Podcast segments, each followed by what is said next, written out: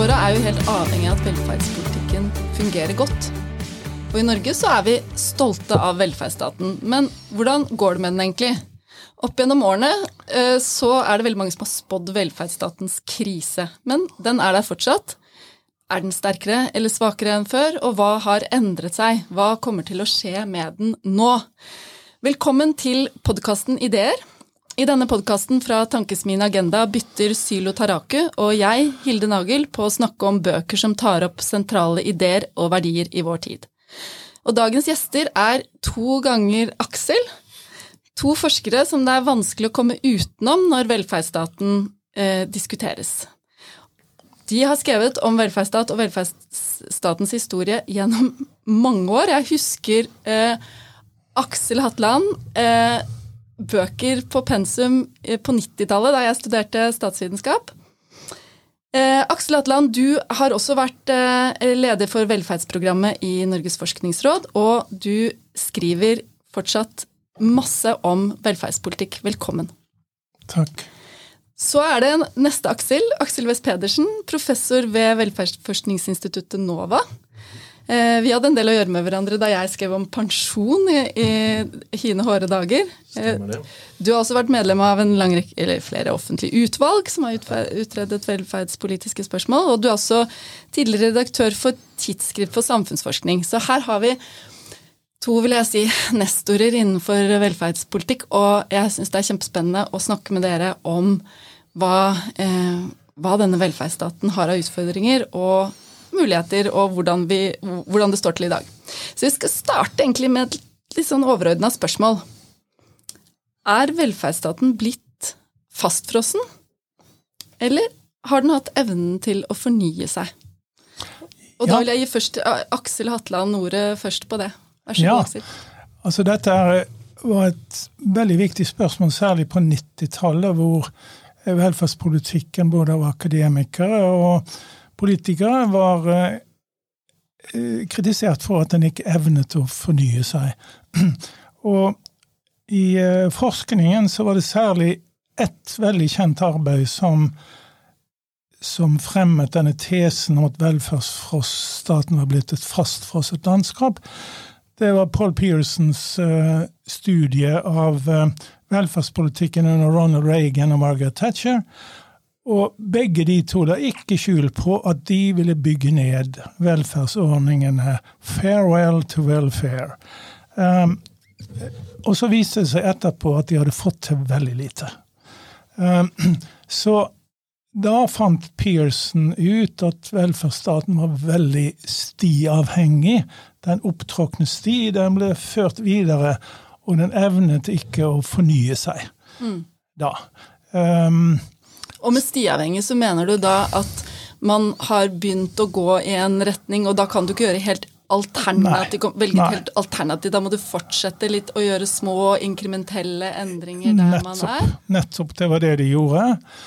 Og noe av forklaringen på dette var at velferdsstaten skapte sine egne interessegrupper som ville vedlikeholde det som var etablert. Og det var også et viktig synspunkt var også at, eh, at folk Det er sterkere engasjement og motstand mot nedskjæringer enn påplussinger. Mm. Så å skjære ned ble møtt med veldig sterk motstand. Mm. Men um, hvis vi da ser på den historiske utviklingen i Norge, så har nok uh, velferdspolitikken, uh, etter min vurdering, i mye større grad enn uh, Sally Pearson trodde, eh, evnet å fornye seg. Mm. Eh, på en rekke viktige områder. Mm. Er du enig i det, Aksel West Pedersen? Jeg er fullstendig enig i det. Eh, den norske velferdsstaten har, og ikke bare den norske, men også andre velferdsstater, har gjennomgått store endringer over de siste 20-25 årene. Eh, men allikevel så ser vi også elementer av kontinuitet. Mm. Eh, det gjør vi. sånn at altså Disse mekanismene som Paul Pierson pekte på, som gjør at politikken ofte kan, kan bli bokset litt inn i en bestemt uh, utviklingsretning, de, mm. de, ser vi også elementer av i, i, det, i norsk velferdsstatsutvikling, mm. vil jeg si. Og jeg merket jo når jeg studerte pensjon, at der var det jo mye der du har opparbeidede rettigheter som det i hvert fall om ikke, altså De er delvis stiavhengige, men det tar jo også lang tid å få til store endringer, fordi du har grunnlovsfestede rettigheter ja. og opparbeidede rettigheter. Ja. Veldig viktig binding. Veldig mm. viktig binding, det er jeg helt enig i. Mm. Jeg kan si at Pensjonspolitikken var et av de også hovedeksemplene til Paul Pearson. Ja. Eh, I tillegg til han, det var disse utviklingene i USA og Storbritannia, så var det også et reelt poeng at at, at, at, særlig pensjonspolitikken ofte er jo er forbundet med veldig store bindinger. Mm. Eh, fordi det er truffet beslutninger som har virkninger langt tid fremover. Og som du sier, det kan være grunnlovsbindinger uh, knyttet til dette også. Så det er veldig vanskelig å snu et pensjonssystem når det mm. først er, er, er, kommet i gang. På den annen side fikk vi på plass en pensjonsreform, ja. og den jo, var jo ganske omfattende, og det var tverrpolitisk enighet om den. og det, det, Utgiftssiden ville jo sett litt annerledes ut hvis vi ikke hadde fått på plass eh, en reform da vi, vi fikk den på plass. og Det understreker vel det poenget med at man har klart å endre også eh, når det har vært nødvendig? Ja da, det er et av de store eksemplene på at man har fått til eh, forandring. Det er pensjonsreformen, og at men man holdt det nok litt utenfor eh, dagspolitikken, da, pensjonsreformen. Det var mye en forhandling mellom de store politiske partiene og store organisasjonene som skapte den reformen, men den ble akseptert av folk, da. Mm. Um, Vi skal snakke litt om, om, mønster i endringene, for det har vært noen endringer da, men, og det er noen mønster som dere peker på i denne boka. Jeg har glemt å introdusere boka! Boka heter 'Velferdspolitikk'. Den er skrevet av Aksel Hatland og Aksel West Pedersen. Den kom på Gyldendal nå akkurat, og den er en introduksjon, vil jeg si, til hele eh, feltet. Eh, veldig eh, godt og lett eh, skrevet. Det er ikke mange vanskelige fagord her. Det, det, er også en bok som jeg vil tippe kommer til å være god på pensum på ulike fag. Men den er også et fint oppslagsverk for alle som jobber eller er interessert i velferdspolitikk. For man kan veldig godt fort gå inn og se, og den oppsummerer og sånne fine oppsummeringer før hvert kapittel med hva som er hovedpunktene. Så den vil jeg si er nyttig og god for alle som er interessert i velferdspolitikk. Og så vi, skal jeg snakke litt mer om hva, hva, uh, hva som er uh, interessante punkter dere tar opp i denne boka. Og det er noen mønster i endringene, som sagt. Og da syns jeg vi skal ta dem ett for ett. Mer vekt på tjenester, innstramming i kontantytelsene er noen stikkord her. Og igjen vil jeg gi ordet til Aksel Hatland først. Ja, altså Det er en nokså tydelig tendens at Ser vi det over en 20-30 eh, år, så ser vi på barn, så har det vært eh, har barnetrygden blitt stadig mindre, kontantytelsene. Barnehager og barnevern har bygd ut. Ser vi på de eldre, så har det vært innstramminger i pensjonspolitikken. Omsorgstjenesten og helsetjenesten har vært bygd ut. Um, det har også vært man har prøvd også å få ned sykefraværet og de helserelaterte ytelsene. Det øh, har ikke vært like tydelig med reformer der, men man har øh, prøvd å få det ned, og så bygge ut helsetjenester istedenfor øh, trygder. Så det er gjennomgående hele veien at mm. tjenesten har økt. Mm. Aksel West Pedersen, er det noen politisk motivasjon bak eh, denne utviklingen, tenker du? Er det en, hvorfor er det blitt sånn? Jeg, vil, jeg, vil, ikke si dette er et, et sånt, at det er veldig gjennomtenkt strategi bak dette. Dette tror jeg er mer som ting som skjer uh, som et resultat av mange små uh, beslutningsprosesser. Det er klart det har vært en diskusjon Vi hadde en diskusjon i forbindelse med disse såkalte Brochmann-utvalgene. Uh, hvordan, hvordan, innvandringen utfordrer velferdsstaten. og Da, da var det en viss diskusjon om at nettopp i en situasjon hvor vi, får, hvor vi, hvor vi har stor innvandring stor eh, globalisering, innvandring og utvandring, at da kunne det nettopp være et rasjonale for å si at da bør velferdsstaten konsentrere seg mer om tjenester framfor eh, kontantytelser ut fra en argumentasjon bl.a. om at tjenestene er ikke så lett å eksportere, som det het. Det var veldig sånn, hva skal man si, frykt for at eksport av trygdeytelser kunne være en, en, en bombe under velferdsstaten. Og da, da kunne det være et visst, I den diskusjonen er det et visst element av at jo, nå, vi, bør, vi bør satse mer på altså tjenester, barnehager eh, osv. til barnefamiliene framfor f.eks. barnetrygd, mm. som da eventuelt kunne eh, kunne eksporteres. Nå tror jeg ikke at i og for seg den eksporten var så stort et problem som man ville, ville gjøre den til, da, men det er en annen snakk. Mm. Men det har også vært noen endringer i familie- og likestillingspolitikken. Eh, økonomisk støtte til forsørgende eh, familiemedlemmer er bygd ned, og støtte eh, til å kombinere familieliv og arbeidsliv er bygd opp. Forklar litt hvordan dette henger sammen, Aksel Hatland. Ja, eh, dette er en ganske grunnleggende endring. Går vi tilbake igjen 30-40 år, så var det slik besto liksom velferdsbudsjettene for familier av enkepensjon, eh, morstrygd. Det var um, uh, husmorvikarer til tjeneste når uh, mor var syk eller um, fikk barn, uh, osv. Og så er det av ideologiske og andre grunner uh, skjedd en endring hvor uh, fra én forsørgerfamilie mot to forsørgerfamilier hvor man bygger ned disse forsørgelsesordningene. Eh, forsørgingstillegg er en av ytelsene som til dels har forsvunnet mye. Og over til bygge ut barnehager, foreldrepenger og støtteordninger som gjør at både far og mor kan eh, kombinere arbeidsliv og familieliv. Det er en klar endring. Nedbygging av uh, støtte til hjemmearbeidende kvinner, oppbygging av støtte til to inntektsfamilien. Mm.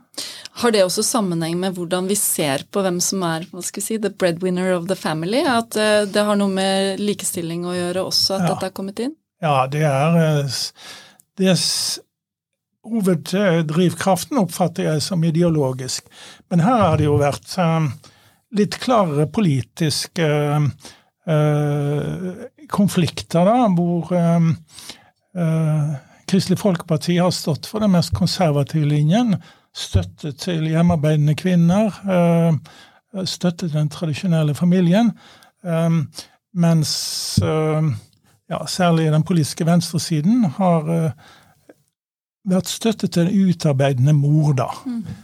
Parti som Høyre har vært mer preget av eh, konflikter mm. omkring dette, og ikke så tydelig. Mm.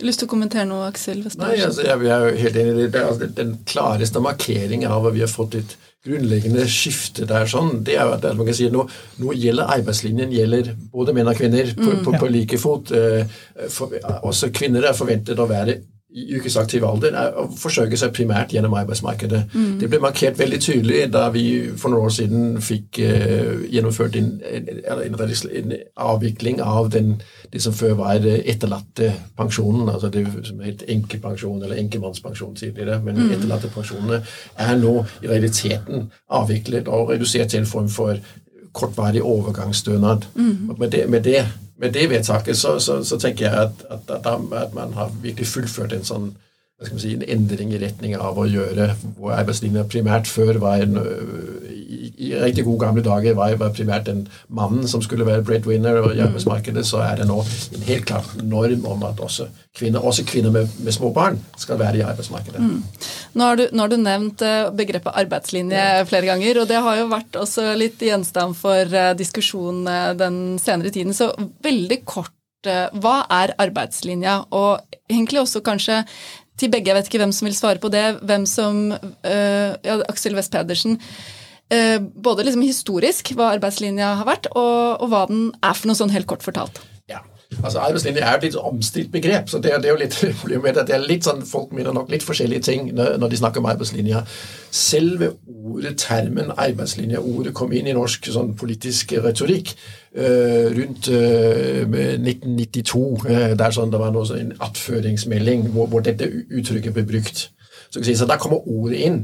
Men så kan man si at kanskje arbeidslinja likevel fantes i noen grad før, før dette skjedde, og, men, men, men, har fått kanskje litt endret uh, innhold. Altså, jeg vil si at arbeidslinja først og fremst er en slags uttrykk for en slags politisk, vag politisk målsetning om at flest mulig i yrkesaktiv alder skal være i arbeid, og færrest mulig på trygd. Altså som en sånn, sånn overordnet eh, hensyn så det er ikke opplagt hvilke slags virkemidler som, som inngår i arbeidslinjen der. Sånn, Nei, det er mer en ambisjon om å få folk i arbeid? Det er en ambisjon om å få folk i arbeid, ja. ja det vil jeg si. Ja. Mm.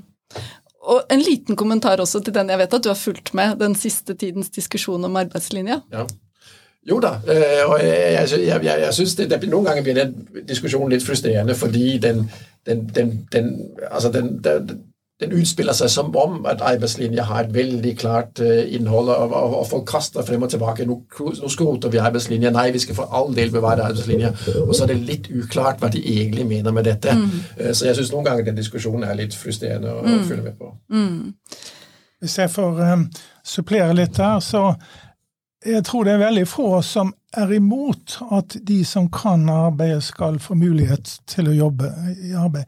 Det motstanden eh, dreier seg om, det er hva slags virkemidler man skal ta i bruk for å få dette til. Og noen av virkemidlene er jo sterkere plikter og sterkere såkalte insentiver, at det økonomisk skal uh, svare seg. Og det, det, skaper en del eh, motstand mot de som er opptatt av rettigheter for svakstilte, av de som er opptatt av fordelingsplikt. Mens arbeidslinjen er jo også en investering i folks arbeidsevne. Det brukes veldig mye penger på utdanning, arbeidstrening osv. Det viktigste Totalt sett så er det jo eh, utdanningspolitikken som er det sterkeste virkemiddelet mm. få folk i arbeid. Og det er ikke så mange som er imot. Så det er særlig dette med pliktene og om insentivene blir forsterket til at man fratar folk ytelser hvis de ikke eh, fratar folk trygd, eh, hvis de ikke er aktive og søker seg jobb. Mm. Er arbeidslinja paternalistisk? Eh, ja, i noen Ja, den er kanskje det, men uh, noen oppfatter jo arbeidslinjen som en rett til arbeid, og da blir den ikke paternalistisk. F.eks. mange funksjonshemmede støtter arbeidslinjen fordi at vi også skal ha en rett til arbeid, sier de. Men eh, ja, jeg, det er et paternalistisk element. Det mm. finnes det jo en god del av i, i um, velferdspolitikken tradisjonelt. Mm. Men som du sier, så kan det også oppfattes som mer at det er et felles ansvar for oss som samfunn å sørge for at flest mulig si. gis en mulighet til å ta del ja, i et ja. uh, lønnsarbeid. Ja, men de som kritiseres for å være paternalistisk, vil gjerne si at jo, men vi vil gjøre folk selvforsørgende, og det er det mest frigjørende av alt. Hvis de klarer å bli selvforsørgende.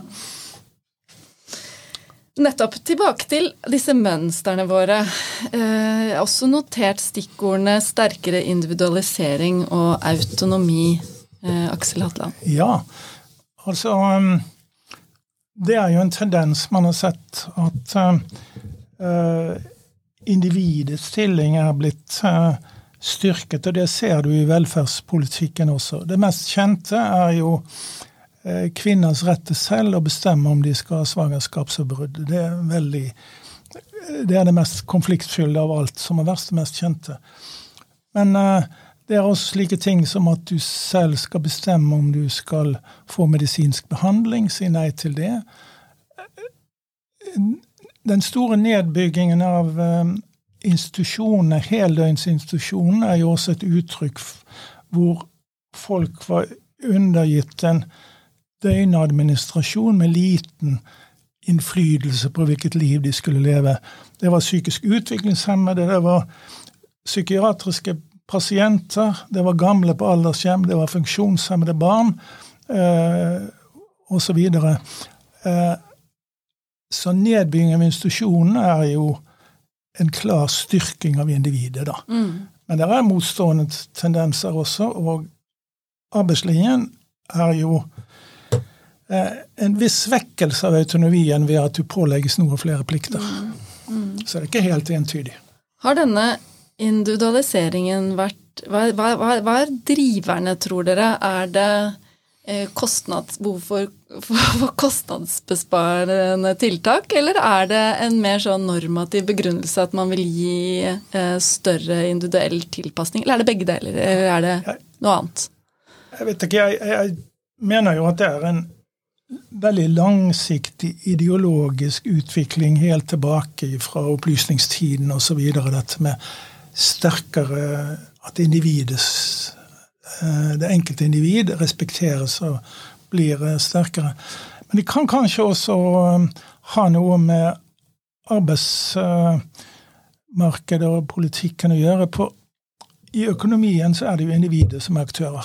Og det er individet du prøver å påvirke. Eh, skaffe jobb, øke mobilitet osv., ikke familier. Så det er en viss sammenheng mellom individualiseringen og den sterke arbeidslinjen. Det vil jeg si. altså. Ja. Samtidig kan man si at hele utviklingen av et rettighetsbasert trygdesystem er et stort individualiseringsprosjekt. Ja, ja. Uh, og, det har definitivt ikke vært kostnadsbesparende, kan du si.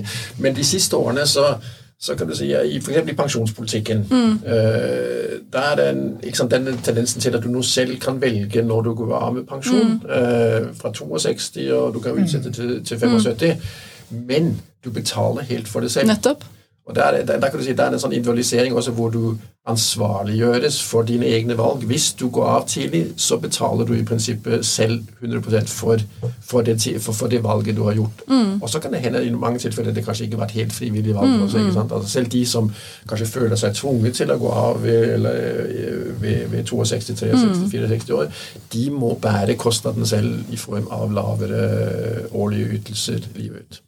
Jeg tenkte egentlig også på alders eh, Altså hvordan vi forholder oss til eldre. Eh, fra syke Fra gamlehjem som på en måte hadde hvor du hadde hele institusjonene mm. som du snakket om, til at ja. Eh, man skal få hjelp hjemme. Det, det, er jo en form for individualisering, det også, som kanskje også har, tenkte jeg, vært litt preget av at man har ønsket å spare, spare penger også. Ja, men jeg tror nok at f.eks. den store HVPU-reformen, altså nedbygging av de kjempestore institusjonene for psykisk utviklingshemmede til at de bor i egne boliger. Ser man på det i dag, så er det knyttet veldig mye omsorgstjenester til det. Veldig mye individuell støtte og hjelp. Eh, så jeg tror ikke at um, det har vært noe innsparingstiltak. Nei. Og der er det autonomien veldig tydelig også. Veldig, ikke sant? At veldig, det settes ja, i stand til ja, å kunne leve ja, det livet du har lyst til å leve på den måten du vil, og ikke behandles som om du skal være lik alle andre bare fordi du har en funksjonshemming. Men Margaret Thatcher var jo også en tilhenger av nedbygging av institusjonen, og den var mye klarere økonomisk basert. Community care. Mm. Da skulle familien ta seg av det, nærmiljøet støtte det osv. Og, så mm. og mindre utgifter. Jeg vet ikke om det virket sånn i England, men det har vært sammensatte motiver omkring denne individualiseringen. Men hoveddrivkraften oppfatter jeg det er en sterkere eh, syn på at individet er grunnenheten i samfunnet, mens en viss motstandere, som i Norge kanskje særlig er i Kristelig Folkeparti og noen konservative, er at familien er grunnenheten. Mm. Så det har vunnet frem at det er individet som er samfunnets grunnenhet, også i velferdspolitikken. Mm. Men når vi nå snakker om eh, penger og utgifter, uh, utgiftsveksten stoppet opp har jeg også notert som et stikkord. Det er ganske interessant, fordi man, det skapes ofte et sånt inntrykk av at det er en sånn evig økning i utgiftene til eh, velferdspolitikk. Men ja. Aksel West Pedersen, vil du svare på det? Ja, jeg kan godt svare på det. Altså, ja, altså, vi, det vi ser, er jo at, at kostnadene, eller utgiftene til velferdstjenester uh, velferd og til trygder har i all hovedsak stagnert de siste årene. Ja. Uh, det er ikke noen sånn veldig sterk vekst. Det er en viss endring i balansen, som vi har vært inne på. Mm. Bruker mer på tjenester, mens utgiftene til trygder og sånn har, har, har, stoppet opp. Uh, det er sånn. Og det er jo interessant, for det skapes veldig ofte et inntrykk av at det motsatte skjer. Det er kanskje det at man på en måte forvirrer det litt med demografiske endringer, som jo kommer og påvirker ja. balansen her. Jeg vet ja. ikke. Ja. ja, altså Sagt på en annen måte, det vokser utgiftene omtrent i takt med bruttonasjonalprodukt, med økonomien. Um, I Norge så ligger det på um, omkring 25% av bruttonasjonalproduktet. Og det, virker, og det, er ikke veldig høyt internasjonalt. I Frankrike f.eks. er det over 30 mm. um, Så uh, det, det er den langsiktige tendensen siden uh, tidlig på 90-tallet er at det ligger omkring 25 mm. av, av, BNP. Og politikerne sier jo ikke ikke har råd til det, men de bruker begrepet velferdsstatens bærekraft er truet osv. Så, videre. Så det virker som om norske politikere syns at omkring 25% av BNP, det er det riktige nivået. Ja.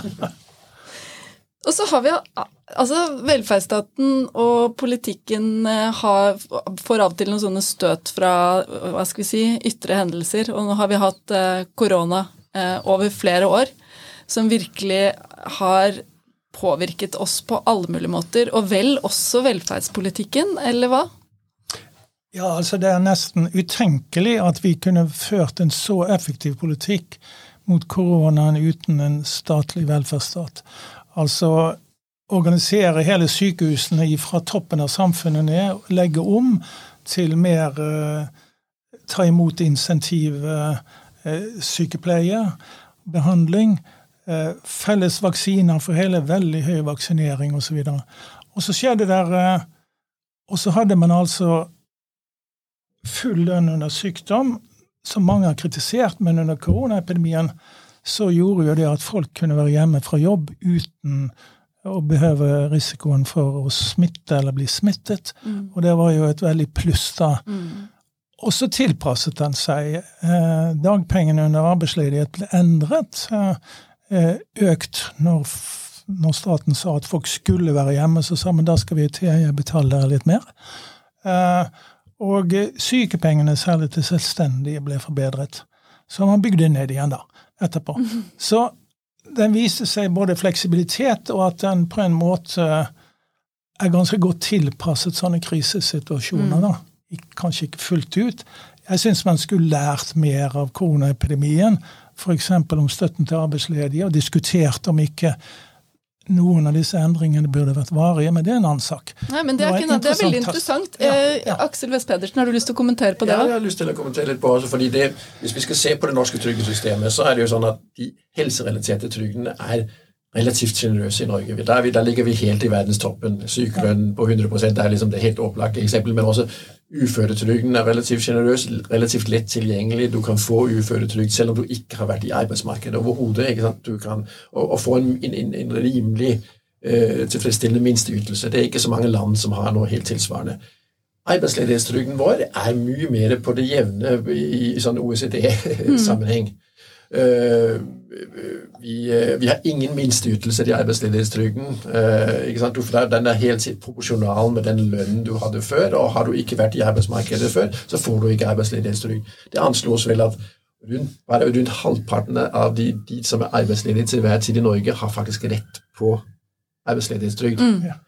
Uh, og da, da, var det klart, da så vi det ikke sant, der under koronaepidemien. Så så man straks dette som et problem. Uh, og, og, og, man økte satsene på arbeidsledighetstrygden til 80% for inntekter under 3G, som det heter. Mm. Uh, tre, tre, ganger grunnbeløpet. 300 000 kroner. Mm. Da fikk man plutselig 80% kompensasjon for den første delen av inntekten der, sånn, med en klar mm. sånn lavtlønnsprofil, kan du si.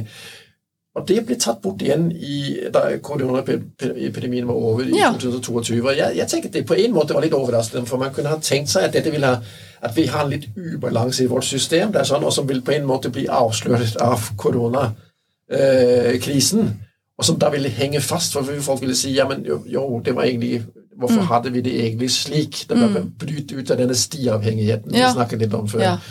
Eh, men det skjedde ikke. altså den, den, Da var stiavhengigheten ganske sterk igjen. Det er tilbake igjen til normalen. Nå er det 62 eh, av tidligere mm. lønn opp til 6G. Eh, og det, det, tenker jeg er litt overraskende. Mm. Hvis jeg får føye til der, så syns jeg nok at arbeidsledighetstrygden kan kritiseres på at vi ikke har vært flinke nok til å omstille i forhold til endrede behov. Um, tradisjonelt så bygger den på at det er en rett for arbeidstakere.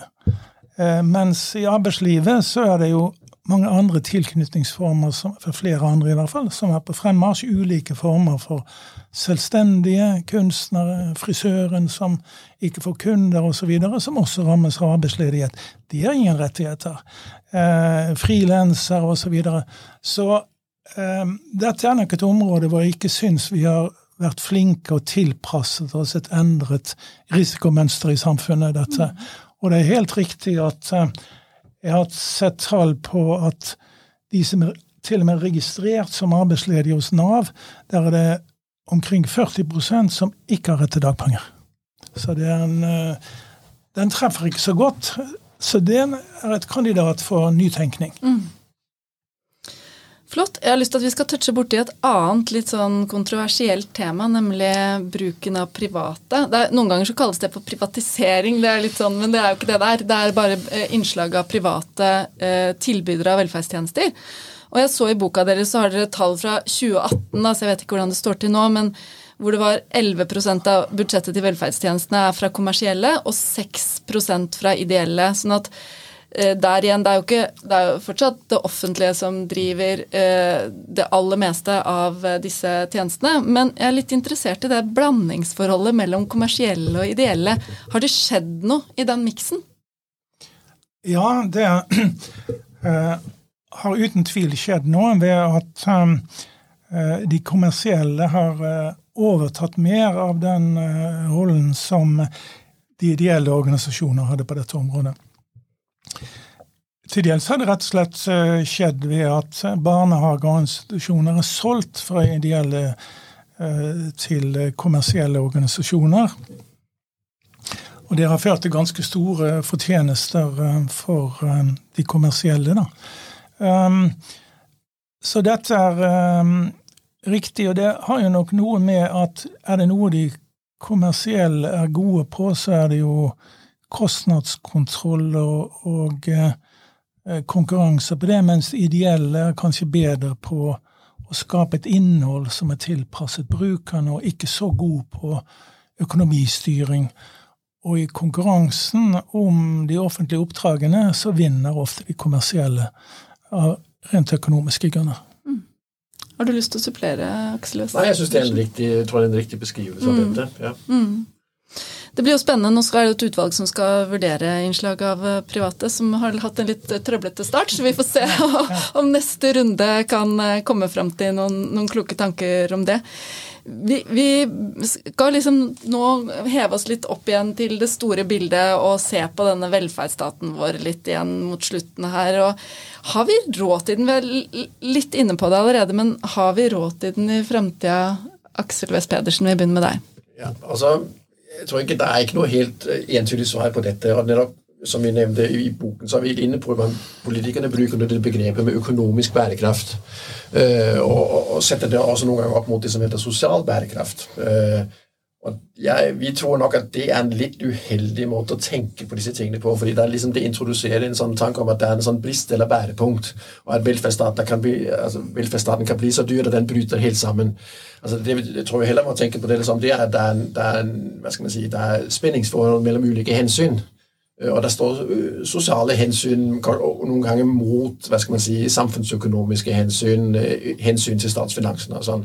Og det er helt åpenbart sikkert grenser for både politisk og på andre måter for hvor høyt f.eks. skattetrykket kan være i Norge. Men, men, men, men, det ligger litt i kortene nå at den, den politiske debatten også når vi, når vi for ser disse perspektivmeldingene fra Finansdepartementet, så ligger det om at det legges helt en premiss om at skattetrykket i Norge er nå akkurat passe. Og det kan ikke bli høyere. ikke sant? Så man beregner noe som heter inndekningsbehovet, som er simpelthen hvor mye, hvor mye eh, mangler vi å finansiere i fremtidens velferdsstat hvis under forutsetning av at skattene ikke økes.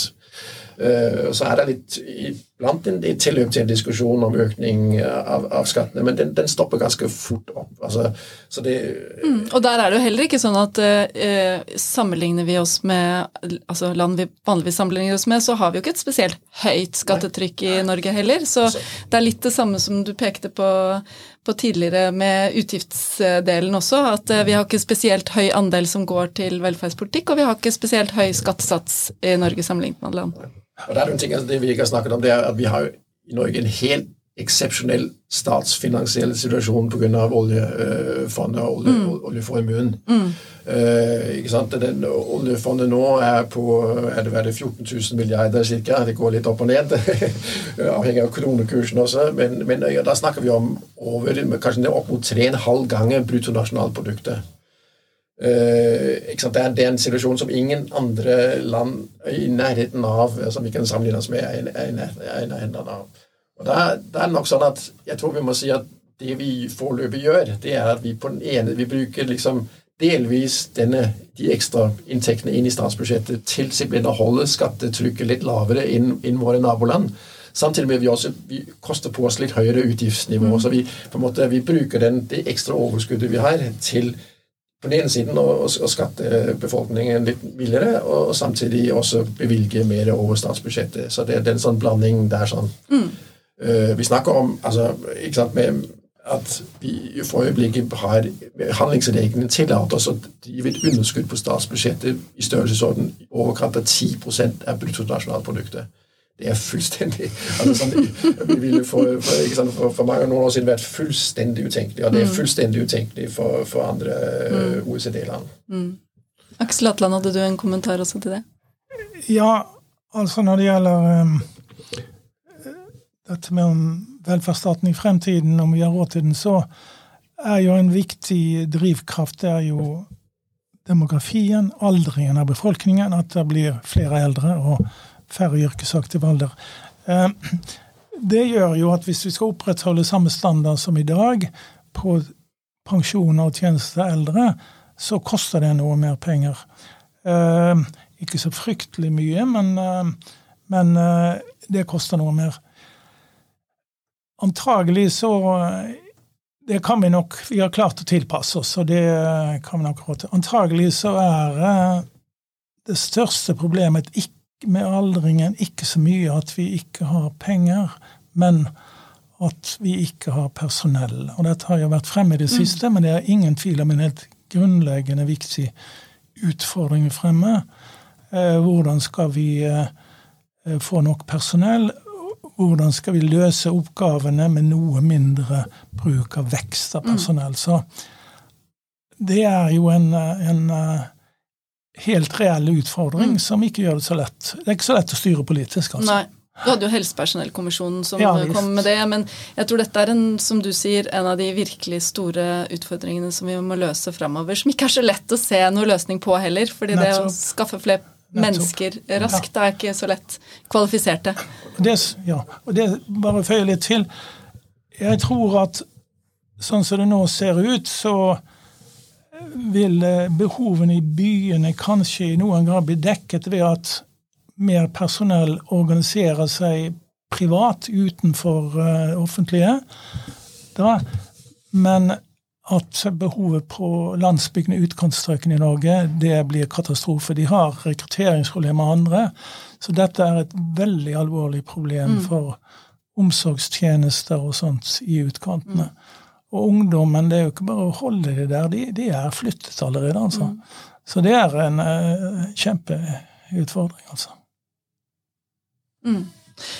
Um, nå har vi snakket om stiavhengighet, vi har snakket om det der at det, det om det små endringer osv. Men, men liksom, hvis vi, det kunne jo vært litt fristende som bare ta Pakke sammen forskjellige typer velferdsordninger og eh, bare kalle det borgerlønn. Eh, det er en idé som kommer eh, med jevne mellomrom, og som virker jo som en sånn eh, ganske sånn quick fix på en del av de utfordringene vi står overfor. Aksel West Pedersen, hva tenker du om den ideen? Ja, jeg tenker Det er en ganske spennende idé å diskutere. og den Hele borgerlønnsdiskusjonen er, er ganske nyttig som, et, som, hva skal man si, som en øvelse i å tenke gjennom sosialpolitikkens begrunnelser. Uh, men, men, men, den er definitivt vil jeg si, Man skal være veldig forsiktig med å tenke at dette er en quick fix. Uh, uh, det som ofte ikke altså i hvert fall Man må i hvert fall tenke veldig grundig gjennom før man begynner den, eller i denne diskusjonen, det er hvordan skal en eventuell borgerlønn tilpasses det eksisterende trygde- og velferdssystemet mer generelt. Altså, I noen, noen fremmer borgerlighetsideen som et helt alternativ til den eksisterende velferdsstaten. Vi erstatter hele trygdesystemet med en, en lik borgerlønn, eller grunninntekt, uh, kanskje et bedre begrep, til alle det, det, det, er en temmelig radikal løsning som også vil gjøre at f.eks. ganske mange av de gruppene som i dag vi syns har, har, en god og berettiget grunn til å motta trygd, de måtte akseptere for mye lavere trygd enn i dag. Mm. Uh, for i dag så gir vi altså, relativt høye trygder til folk som blir uføre, og som har opptjening uh, fra før i arbeidsmarkedet osv. Alderspensjonene til, ikke sant, er, er ofte veldig mye høyere enn det man kunne ha vil ha råd til en, til en helt uniform øh, øh, borgerlønn som gis til absolutt alle innbyggere. så kunne du tenkt deg at, at, at, og skulle en borgerlønn komme helt i tillegg ikke sant, til den eksisterende velferdsstaten, så er det helt åpenbart utopisk. altså Så vil det kreve skattenivået som er helt, åpenbart helt hinsides det vi, mm. det, vi, det vi, realistisk kan forvente. Mm. Så dette må tenkes litt ordentlig igjennom. og der, altså Man kunne så tenke seg forskjellige former for integrering. At en sånn borger kunne integreres i, i det eksisterende trygdesystemet. Sånn at de som f.eks. den bare gir eller hva skal man si, det ble samordnet med trygdene. Så de som i dag har høyere trygder enn det de ville ha under en, en borgerlønnen, de vil beholde den litt høyere trygden. Mm. Men man aksepterer sant, at, at, at, en del av deres uh, ytelse kom i form av borgerlønn istedenfor trygd. Mm. Uh, men også det vil bli, hvis, den skulle, hvis den sånn allikevel den borgerlønnen skulle være på et helt sånn nivå hvor det går an å leve av den, så vil det bli veldig, veldig dyrt. Mm. Så, så, så, dette bør, bør tenkes veldig grundig ja. gjennom, og det er ikke noen quick fix. Så er det noen løsninger som jeg også syns er litt interessante. Jeg har tenkt på en litt sånn partiell borgerlønn, hvor, du, hvor borgerlønnen legges på et vesentlig lavere nivå, hvor den blir en del av skatte- og trygdesystemet med det. Si, et, et, supplement eller en del av skatte- og trygdesystemet. Mm. Det, det, det, er langt mindre radikalt. Sånn som Alaska kanskje har gjort med ja, sin sånn eh, bare, De har jo også olje og har heller fordelt det ut til alle istedenfor å samle det i et fond. Nettopp, nettopp, Det er vel det mest konkrete eksempelet mm. vi har, har, på noe sånt. Nå. Eh, men, men, men, men da får du ikke da får du ikke noen forenkling. Der er ikke noen kvikkfiksing. Da må Nei. du fortsatt ha uføretrygd. Først ha leger som behandler ikke sant, og trygdefunksjonærer som, som behandler uføretrygdsøknader osv. Mm. Det er ikke noen stor forenkling. Det er sånn. Mm. Og Det denne praten hvert fall har vist meg, er at her er det, veldig, det er et veldig fininnstilt maskineri med veldig mange ulike logikker som skal gå sammen i en sånn velferdspolitikk som skal fungere godt. Eh, det er både normative hensyn, og det er også Eh, insentiver og praktiske hensyn som gjør at det kan være lurt å skille de ulike ordningene fra hverandre fordi de også har ulik, uh, ulik logikk. Nå skal vi snart, snart uh, avslutte, men jeg har lyst helt til slutt å, å, spørre dere. Nå er det snart lokalvalg, og velferdspolitiske saker kommer definitivt til å være en del av den valgkampen. Hva gjør dere urolig optimistiske med tanke på hvilke endringer som kan komme opp politisk, eller hvilke diskusjoner ønsker dere velkommen? Dere kan svare akkurat sånn som dere vil. Eh, start med Aksel Atland. Ja, altså øh, For meg så er spørsmålet om øh, skattenivået det viktigste. Altså at vi opprettholder skattenivået, at stat og kommune kan betale for velferdstjenestene om de utføres av uh, offentlige eller uh, private, er et spørsmål som jeg syns er noe uh, ikke fullt så viktig. Men det er viktig, det også. og folk er opptatt av det, så man må ha respekt for det. Men man kan altså diskutere dette skal det offentlige ha monopol, eller skal man si at det offentlige må bli flinkere i å regulere? De private bli bedre på kontraktsinngåelse, ikke gi vekk, gi de penger som de for å dekke utgifter de ikke har, osv. Så, videre. så um, for meg så er det viktigste diskusjonen om skattenivået mm. i den kommende valgkampen. Mm. Men uh, mange andre mener at det er spørsmål om hvem som skal produsere velferden. Mm. Ja. Aksel West Pedersen. Nei, altså Jeg tenker bare jeg kunne løfte frem to temaer som jeg skulle ønske det var litt mer debatt om. og Det ene er det ene er dette med arbeidsledighetstrygd, som vi, vi har vært innom. Det, det, det, er, langt på vei et ikke-tema, og det er litt naturlig i Norge, for vi har relativt lav arbeidsledighet, men det kan fort endre seg. Og da tenker jeg også Vi burde igjen, altså vi burde ha en, en politisk diskusjon uh, om, om, om, innretningen på arbeidsledighetstrygden. Mm. Litt tilsvarende tenker jeg vi burde ha en, også mer diskusjon om sosialhjelpen, og da er vi litt mer inn, inn, inn, inn på dette med, med det kommunale mm. uh, temaet som er relevante for den kommunale valgkampen. Der, sånn, Vi har en veldig hva skal man si eh, det vi ikke kaller residual eh, sosialhjelp, som, som, som, som er, er, veldig sterkt behovsprøvd, med, med, med, med, veldig sterk skjønnsutøvelse, hvor, hvor, rettighetene er relativt svake. Mm. Uh, og, og, hvor det gjelder et hovedprinsipp om kommunalt selvstyre, at den enkelte kommunen i prinsippet kan også bestemme sosialhjelpssatsene. Det, sånn, det tenker jeg er er egentlig altså, noe vi burde løfte litt mer prinsipielt opp om. Vi burde, i likhet med en rekke andre land, ha mer statlige bindende satser for sosialhjelpen, f.eks. Med, med en klar rettighetspreg på sosialhjelpen. Mm. Jeg husker jeg skrev en kronikk om det i hva da, 94 eller noe sånt. Dette er en diskusjon som har gått veldig, veldig, veldig mm. lenge. Ja. Og som virker som det er vanskelig å få opp ja. i det, det, offentlige ordskiftet. Så det er en viktig påminnelse. Jeg, til dere begge to, tusen takk for kjempespennende samtale. Og igjen vil jeg da anbefale denne boka, 'Velferdspolitikk', av Aksel Hatland og Aksel S. Pedersen. Jeg kjøpte den på Nordli, den finnes på Akademika, den kan bestilles på nettet. Eh, tusen takk for kjempefin samtale. Takk, begge to. Takk skal du ha.